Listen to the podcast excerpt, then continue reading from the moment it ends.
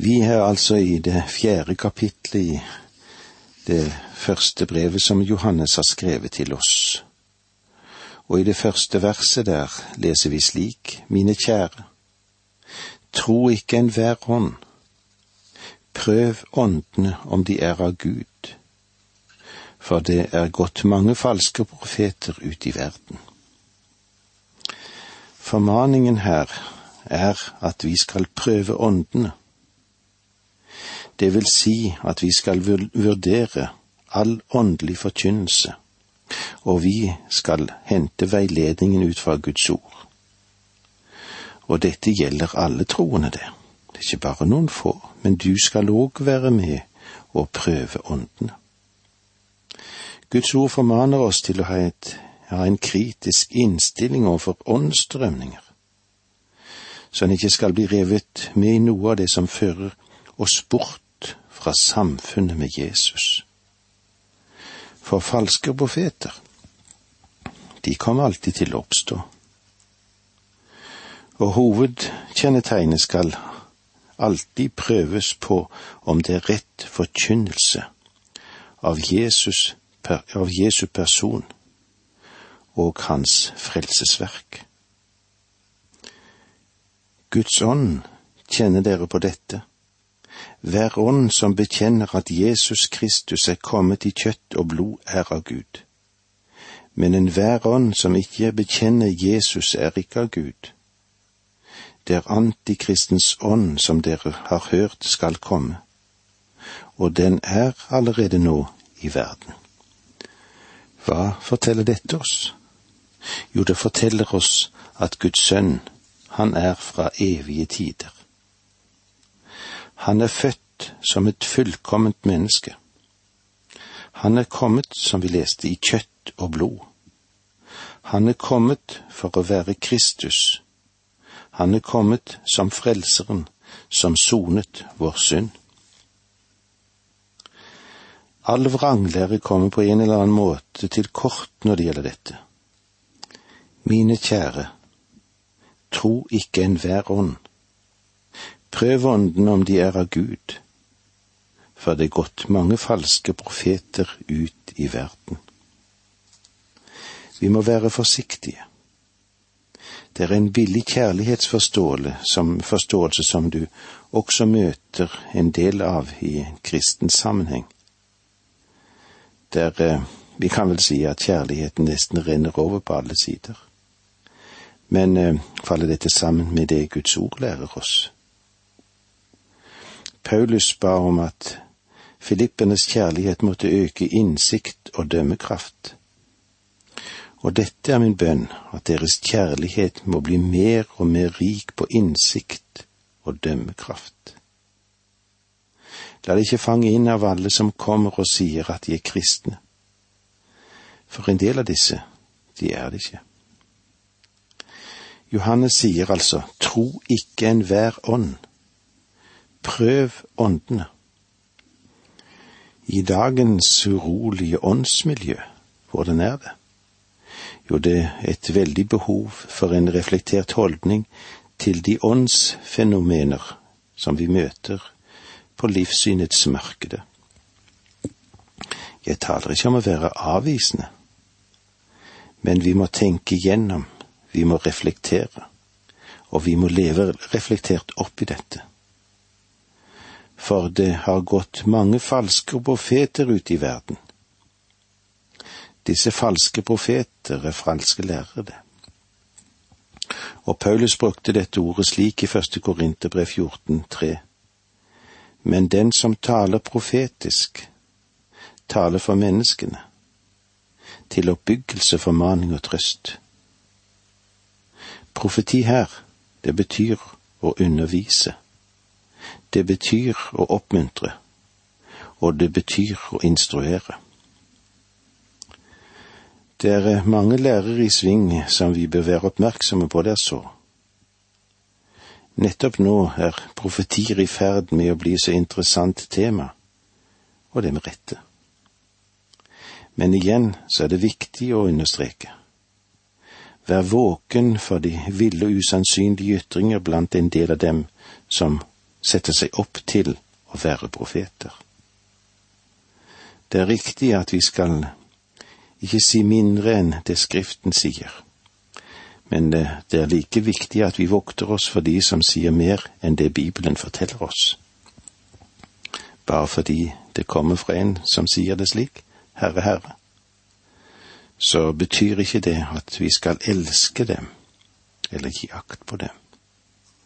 Ha så mye respekt for deg selv at du ikke vil akseptere den falske lære. I vers to i dette kapittelet fire i Johannes 1 leser vi slik. Guds ånd kjenner dere på dette.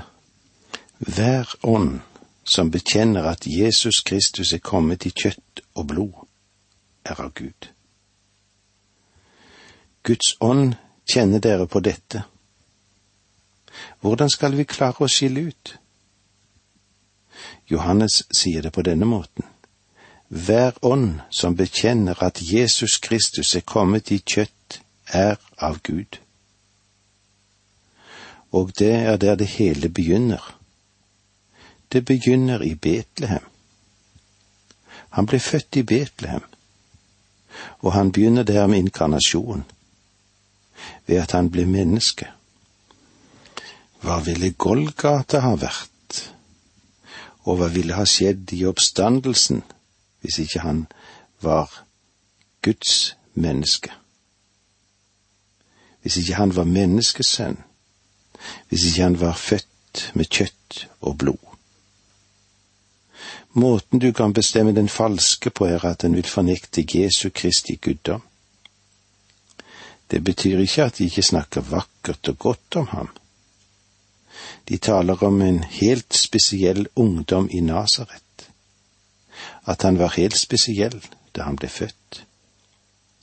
De sier også at han var et religiøst geni, og at han var behersket av Gud. De sier også at han hadde, kanskje hadde større kunnskap om Gud enn noe annet menneske. Han var en superstar, forstår du. Mange kan si mye vakkert om Jesus, men det han var, han var Gud og han var kommet i kjød. Johannes taler om ordet i sitt evangelium. Hvem var ordet? Han var Gud, og han skapte alle ting. Og han kom i menneskeskikkelse. Hvor kom han? Han kom til Betlehem. Ved inkarnasjon. Jesus kom der når du fornekter inkarnasjon, Kristi guddom, da fornekter du også hans gjerning på korset for alt hvile på hvem han er. De falske lærerne forsøker å rive ham ned ved å gjøre ham god, men ikke best. Og slik blir den Herre Jesus behandlet i mange kretser i dag. Men han er den han påsto å være. Gud av Gud. Johannes tar her et oppgjør med de første kjetterske retninger som fantes, gnostisismen.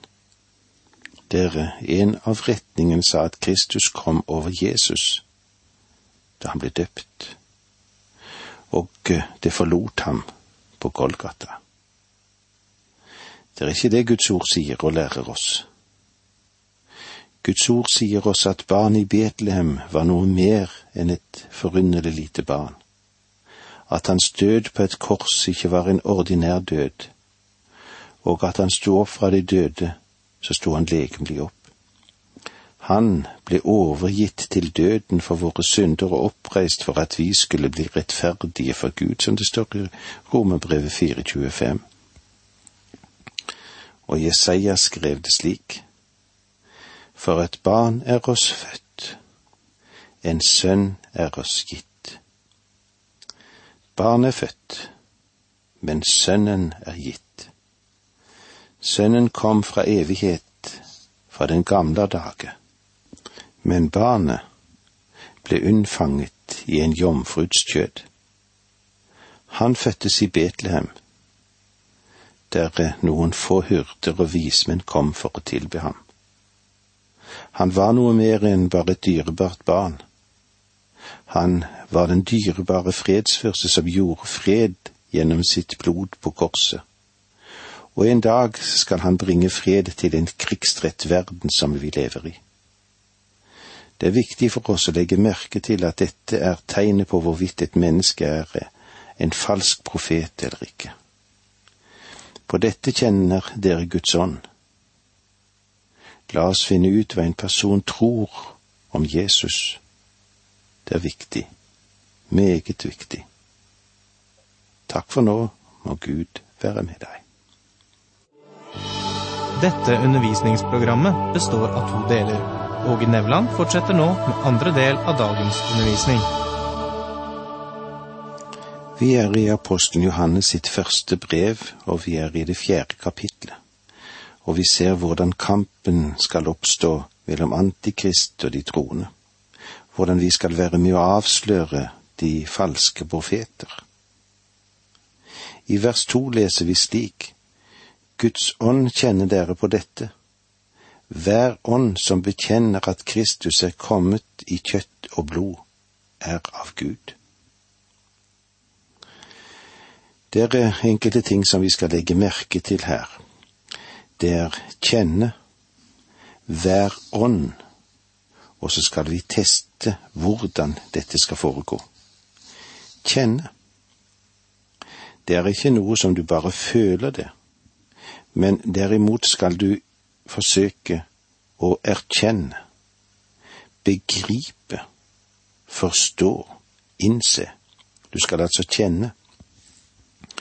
Når de falske profetene skal avsløres, er det derfor ikke først og fremst en emosjonell eller følelsesmessig operasjon, men det er en erkjennelsesakt. Du må kjenne dette. Hver ånd. Ja, hvordan har vi med det? Du skal kjenne hver ånd som skal prøves på bekjennelsen. Når enkelte står fram og bekjenner, så vil dette da måtte tolkes som en åpen og offentlig proklamasjon. Det er en forkynnelse. Det er noe som hviler på en fast overbevisning om lærepunkter, som de gjør seg til talsmenn for, eller skal vi si profeter for. Det er på dette materialet denne bekjennelsen, prøvingen, skal foregå. Det er ikke hvordan stemningen er, eller skal vi si den åndelige temperatur, eller den åndelige varme eller bevegelse som måtte finne sted. Apostelen nevner ikke noe om undergjerninger og under som kunne skje. At uh, syke mennesker skulle bli helbredet. Peter vet godt om at slike hendelser ikke hører til i noe unormalt i en kristen menighetsliv. Så de vil aldri bli noe avgjørende bevis på troverdigheten hos en forkynner. Ikke minst selv minnet Jesus sine disipler om dette, ja, han nevnte det inntrengende og i den siste tid vil den kristne menighet stå i fare for å bli infiltrert både av falske messiaser og falske profeter. Og eh, det blir ganske farlig nettopp på grunn av sine evner til å gjøre store tegn og ynder. Guds ånd kjenner dere på dette. Hver ånd som bekjenner at Kristus er kommet i kjøtt og blod, er av Gud. Testingen, den skal foretas på profetens lære og bekjennelse om at Jesus Kristus er personen. Han er selve sentralpunktet. Jesus skal være hjertet i den kristne tro. Han skal være hjertet hos deg. Det er her den gnostistiske vranglære særlig satt inn. Mange av de hadde den forestilling at det guddommelige ved Jesu ble ikledd ham når han ble døpt. Og når Jesus døde på korset, ja, så forlot guddommen han. Dermed ble de egentlige fornekter av inkarnasjonens realitet. Det her vi ser dette personlige forholdet mellom det guddommelige og det menneskelige som Jesus hadde i seg. Vi leser videre i kapittel fire, vers tre. Men enhver ånd som ikke bekjenner Jesus, er ikke av Gud. Det er antikristens ånd som dere har hørt skal komme, og den er allerede nå i verden. Dette er tredje gang Johannes har nevnt Antikrist. Johannes, han er den eneste forfatter som nevner ham, og det gjør han bare i disse brevene sine. I det andre kapitlet i dette brevet skriver Johannes, Mine barn, nå er det den siste tid. Dere har hørt at Antikrist skal komme, og mange antikrister har alt stått fram. Derfor vet vi at den siste tid er kommet, som det sto i det attende verset i kapittel to. Og så leser vi om igjen det som står i det 22. verset i kapittel to. Og hvem er løgneren, om ikke den som fornekter at Jesus er Kristus? Han er antikrist, han som fornekter Faderen og Sønnen. Og vi så jo i kapittel to at anti kan bety to forskjellige ting. Det kan enten bety mot eller istedenfor. Det vil si en form for imitasjon. Der denne meningen presenteres i Skriften, og det den Herre Jesus sa. For mange skal komme i mitt navn og si, Jeg er Messias. Og de skal villede mange, står det i Matteus 24, 5. Med andre ord kommer de til å imitere ham. Antikrist blir derfor brukt i betydningen av å late som han er Kristus. Den andre betydningen er å være mot Kristus. I Åpenbaringen 13 presenteres det for oss de to dyrene i endetiden. Det første dyret er en stor politisk hersker som kommer antikrist for å herske over verden, altså en verdensdiktator. Og så kommer det en religiøs hersker, og han blir kalt den falske profet. Han vil få verden til å tilbe det første dyret. Han vil komme som et lam, men innvendig er han som en ulv. Han vil imitere Kristus.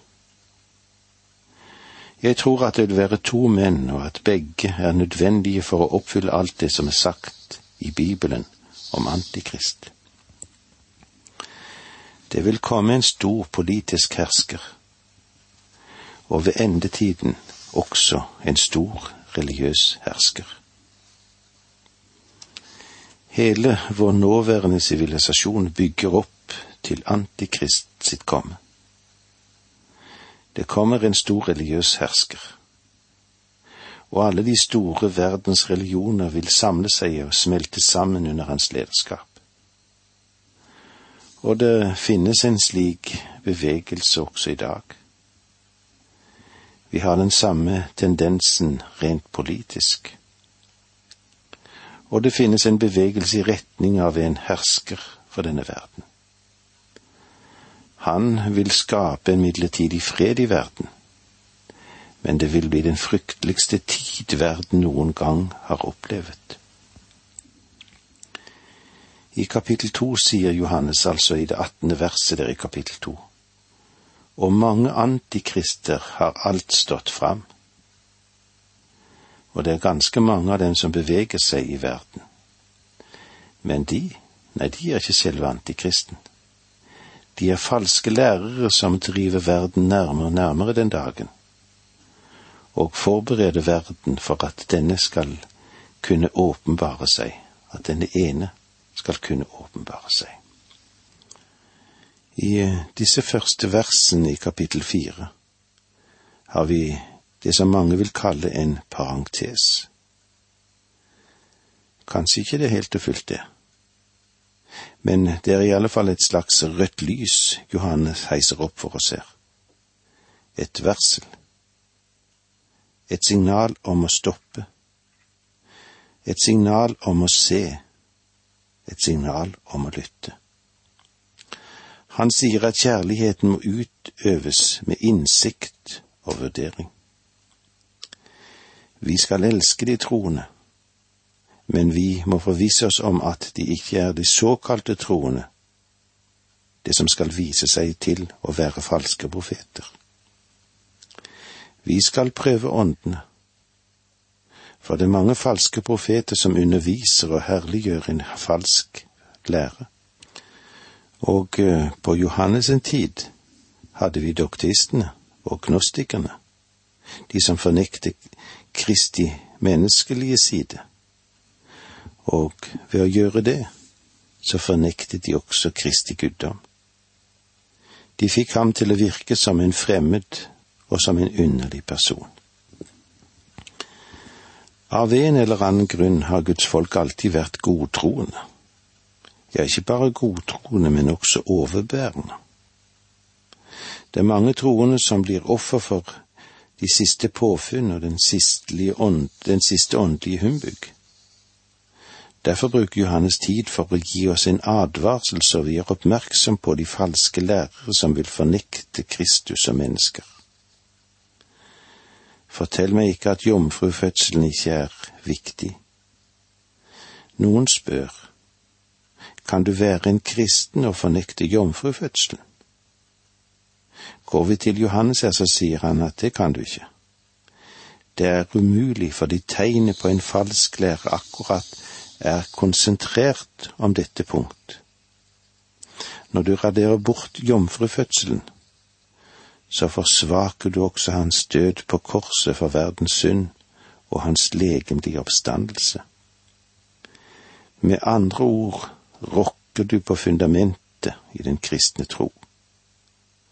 Det er grunnen til at jomfrufødselen er det punkt som er så mye debattert og fornektet i vår tid. Og denne fornektelse er det som åpenbarer en falsk lære øyeblikkelig, i alle fall ifølge Johannes. Og med disse ordene må vi si takk for nå. Må Gud være med deg.